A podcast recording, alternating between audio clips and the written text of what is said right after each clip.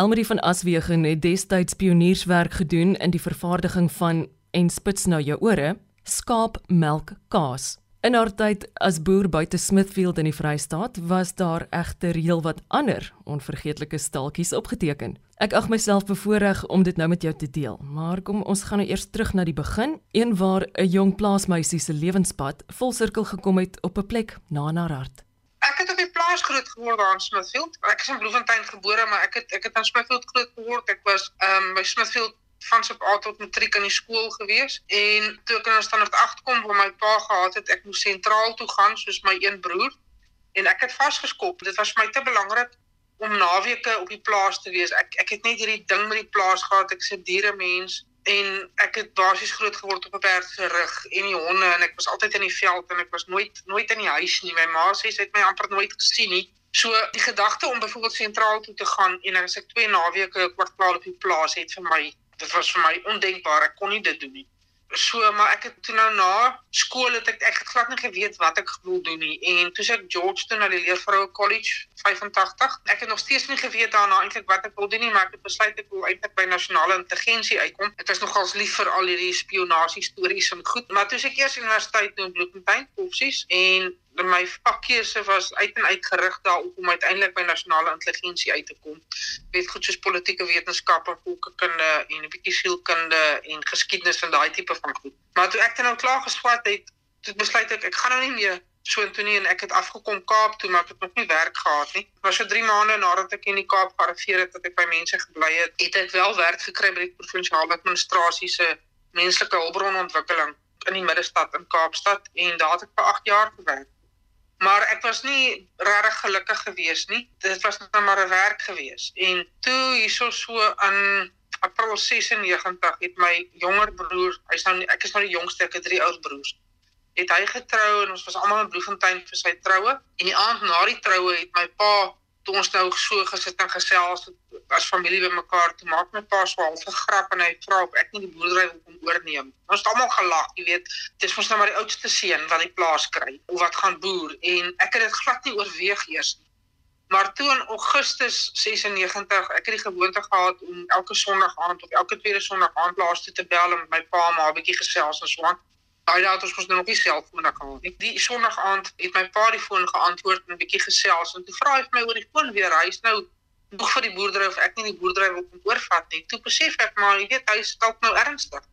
En ek het hom gevra of hy ernstig is, toe sê hy my ja. Toe het ek net besef, "Jessie, maar dit is presies wat ek eintlik wil doen. As ek kan terug gaan plaas toe, sal ek so bly wees." En ek het met um, die volgende dag met met ons departementshoof En dit is nou nogals interessant. Ruby Leibrand, as jy nou die storie van Ruby Leibrand ken, hier in die die Ossewa brandwag in daai tyd, dit is die Ruby Leibrand se oudste seun wat die departementshoof was en ek en hy het beskiklik goed oor die weg gekom. En ons het altyd baie gesels oor boerdery en dat as 'n mens op 'n plaas is, moet jy self onderhoudend wees en alsoos. So ek is toe daai maandag het ek met hom 'n bietjie gaan gesels daaroor en hom sê my pa wil ek moet gaan boer, dis sê hy wat maak jy nog hierso gaan. En dit is waar dit toe nou eintlik begin het. Dit was ook Ruby Leibrand wat vir my gesê het in 'n gesprek wat ons gehad het dat een van die goed wat 'n mens moet doen as jy op 'n plaas is is om kaas te maak, jou eie kaas te maak. So hy het die saadjie van kaas maak by my geplant. En ek het absoluut niks geweet van kaas maak, eers hoe die proses loop of wat. Hoe kan nie en ek het begin soek in die Daar was nog nie daai tyd die internet het maar net so begin inkom. Toe vind ek uit van iemand in Plettenberg Bay Joan Burning sy het 'n besigheid Finest Kind. Sy bied kursusse aan vir beginners en is meer jou klein, jy weet jou plaaskaasmakers as ek dit so kan stel. En ek het haar gekontak en toe sê sy vir my sy gaan nou 'n besigheid eh, net daai Vrydag, ek dit was ergens in die week gewees. Sy gaan 'n besigheid oopmaak in Somerset Wes. Kom kom ek nie deur so intoe nie want hulle het hulle opening op daai Vrydagmiddag en dan kan ek nou persoonlik met haar gesels en en uitvind presies wat alles en ek het toe afgekry by die werk en ek het gegaan na die opening van haar besigheid daar. Toe ek daar kom, elkeen van ons wat daar was, het 'n nommer gekry. Toe sê sy hulle gaan later die middag vir aand gaan hulle soos 'n gelukstrekking hou en dan die een wat se nommer getrek word gaan 'n 'n mini cheese kit wen, so 'n klein houtpersie met 'n 'n vormpie, 'n kaasvormpie en 'n bietjie kultuur en stremsel en so aan.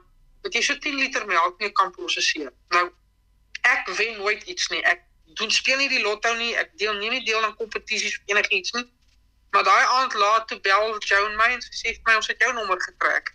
En dit is basies hoe ek geweet het ek gaan moet gaan kaas maak. Dit was vir my daai stimulus gewees.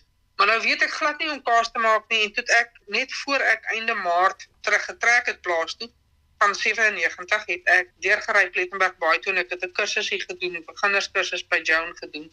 Nou in die kaasmaakproses is daar matye wat jy nou moet wag. Jy weet jy het jou melk nou op temperatuur gebring, dan moet die melk afkoel en of dan sit jy jou kultuur by en dan moet jy vir 'n uur of 'n 3 kwartier wag. So dan baie tye wat jy sit en wag wat jy nou nie eintlik iets het om te doen nie. Toe ek en Joan maar so 'n bietjie gesels en in sy sê toe vir my sy sal graag wil sien dat iemand in Suid-Afrika begin skape melk. En ek was totaal en al wat jy weet kan 'n mens skaap melk? Dis sê ja, jy weet jou bekendste skaapmelkkaas in die wêreld is die regte Roquefort kaas uit Frankryk en dan natuurlik Pecorino, Pecorino Romano of Pecorino Siciliano. Uh, en Pecorino is Italiaans vir skaap. Dit is waar die naam vandaan kom. Toe dink ek dit kan dalk nou werk want ek gaan skaapplaas toe en ek is met daai idee te op die plaas gearriveer. Jy het nogal pionierswerk gedoen met hierdie skaapkaas van jou. Ja, weet jy, ek het nooit self so daaraan gedink nie, maar die media het my nogals begin noem die die pionier van die skaapmelkbedryf in die land ek het my pad gestap, jy weet soos 'n leer wat jy klim. Jy jy klim daai trappie en dan as jy daar is dan vat jy die volgende trappie en so het ek maar aangegaan. Toe ek terug koffsies toe. Ek het niemand geken by die landboufakulteit nie. Ek het net eendag daar aangestap en ek het die bordjies gevolg wat vir my gewys het veekinde toe. En uh, toe ek so in die gang afstap, kom hier 'n ou van vooraf gestap en hy so 'n bietjie ouer ek met 'n grys snor, so 'n bietjie bles en ek dink jy lyk vir my of jy 'n professor kan wees ek het toe in sy kantoor ingaan, toe stap ek saam met hom in sy kantoor en ek sê, "Miskien kan jy my help." Toe soos ek professor Johan Greiling, wat bekend op Bok, en dit was vir my eintlik fantasties geweest want sy vakgebied was juis die reproduksie van kleinvee. En ek verduidelik toe vir hom wat dit is wat ek moet doen. En hy het so frons op sy gesig gekry. Toe sê hy my: "Hoorie so, ek het nie 'n koekenklou waarvan jy praat nie, maar dit klink vir my of jy weet waarvan jy praat." Hoekom gaan skryf jy nie die impakstudie nie? want jy het al die inligting. Toe sê ek hom, "Oké, okay, ek sal die impakstudie gaan skryf, maar ek het nie 'n koek en klou om 'n impakstudie te skryf nie."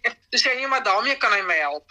So ek het huis toe gegaan, ek het al die feite en die data en al die goed gehad en ek het die impakstudie gaan skryf en ek het dit teruggevat vir hom en hy het daardeur gegaan. Maar natuurlik een van die ander vereistes was ons mag nie kleinvee invoer van enige ander plek as Australië of Nieu-Seeland nie want dit gaan oor die siekte, veesiekte skrypie. Australië en Nieu-Seeland is vry daarvan en Suid-Afrika is vry daarvan. So hulle is hulle is verskriklik streng daarmee.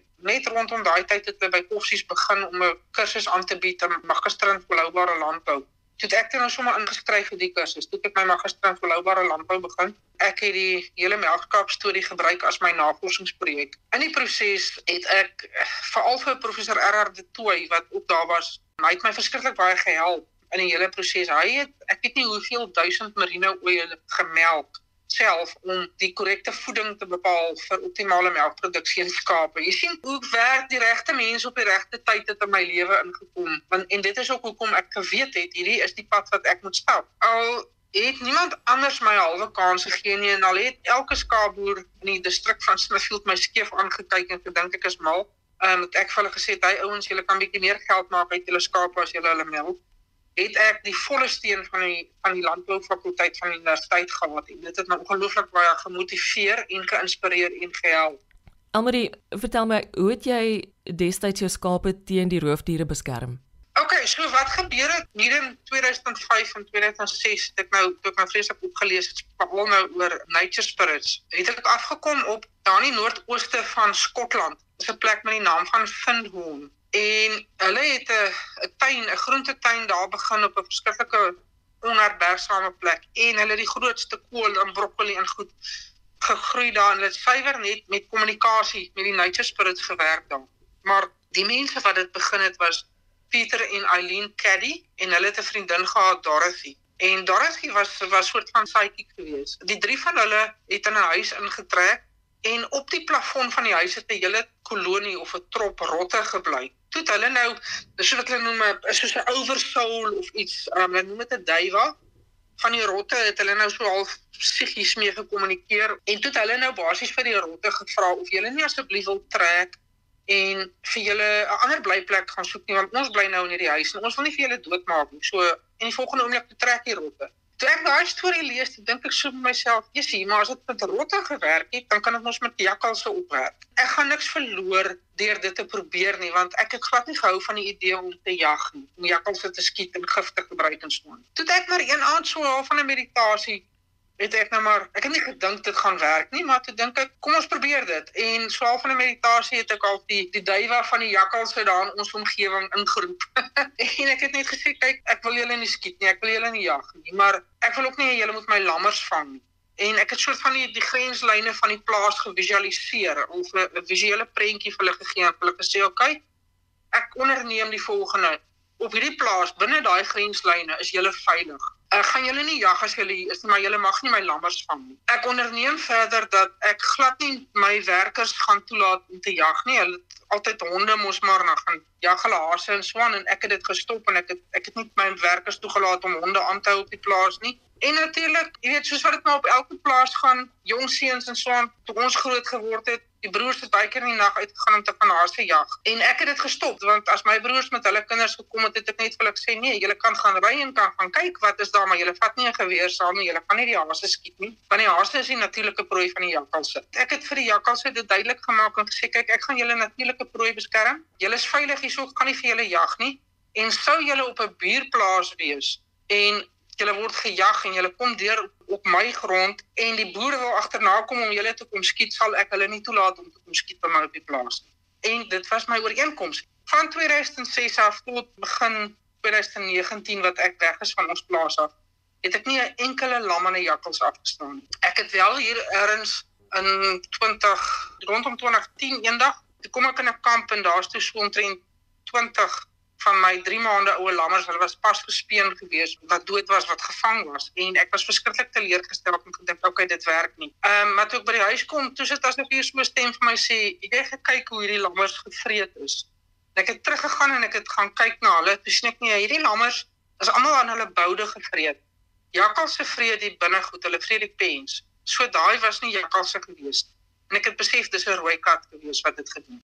Maar ek het toe nou ook met die rooi kat ook gepraat, maar ek het nie geweet of dit gaan werk nie want 'n kat is mos nou 'n ander ding. Maar ek het maar my lammers net uitgeskuif daar en 'n week later het my buurman vir my by die koöperasie op die dorp gekry. Toe sê hy vir my hy het net die vorige dag 'n ou rooi kat wyfie doodgeskiet in sy veld reg langs my. En die kat was baie oud en die kat het omtrent geen tande meer gehad nie. En toe besef ek maar dit was daai kat wat so die lammers gevang het vreemd genoeg het ek so 'n warm gevoel hier binne in my gekry ten spyte daarvan dat ek amper 20 lammers verloor het. Ek okay, jy weet, ten minste het ek nie die kat geskiet nie en in haar laaste dae het sy darm kos gehad. Dit was my gevoel gewees wat ek gehad het. So en toe was daar 'n bietjie later hier by 2012 op een nag het ek hier by 12 uur se kant om een of ander rede het ek uitgegaan na die huis uit en my donder saam met my en toe hoor ek net so eentjie agter die huis twee jakkalse wat mekaar roep en ek het so 'n bietjie geskrik want in daai spesifieke plek waar hulle geskreeu het, het ek oeye met jong lammetjies gehad. En ek het gedink, oké, okay, vanaand gaan ek lammers verloor. En die volgende dag het ek die oeye laat inkom en ek het die lammers getel en hulle was voltallig geweest en ek het toe later met my honde gaan stap daar. Toe kom ek af op 'n springhaas vars gevang, net die kop en die pote. Toe besef ek maar die jakkals het letterlik tussen my oeye met hulle klein lammetjies deurgeloop wat vir hulle maklike prooi was. Hulle het nie my lammetjies gevang nie, maar hulle springhaas. En ek kan nie vir jou verduidelik wat dit vir my beteken het. As jy daai koneksie het met die natuur en jy hou jou woord en jy leef met suiwerheid van hart en jy eerbiedig dit, dan eerbiedig hulle jou ook. So dit was vir my fantasties geweest.